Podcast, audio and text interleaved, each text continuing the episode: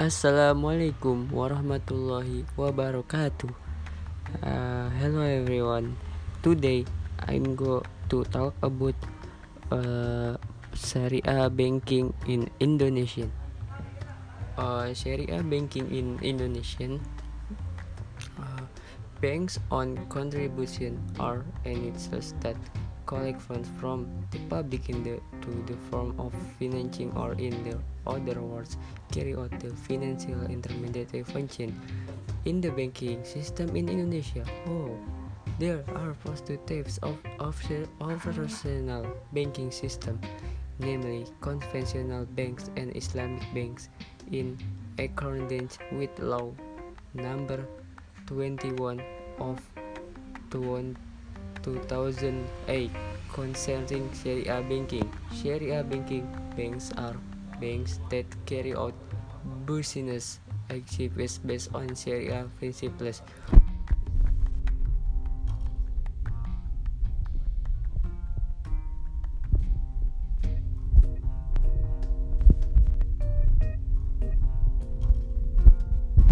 Welfare universally also does not contain gharar, maisir, usury, wrongdoing, and haram object.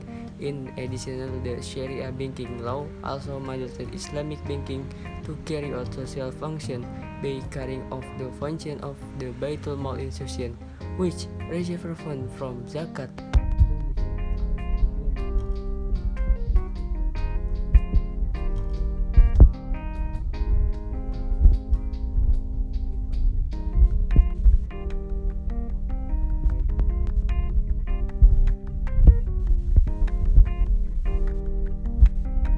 Regulation and supervision from the aspect of prudential principles and regulation implemented by the OJK Otoritas Jasa Keuangan are overfed in conventional banking but by regulating and supervising the system that it adjusts to the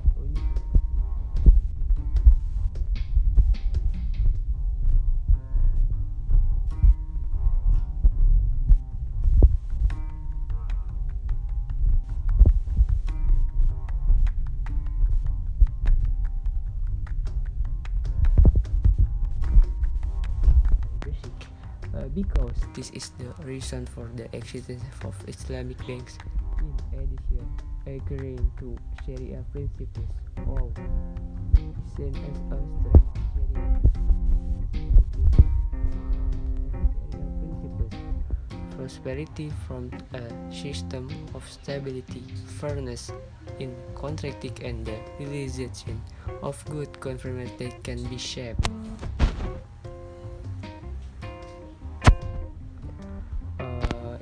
Thanks everyone uh, to to talk about Sharia banking.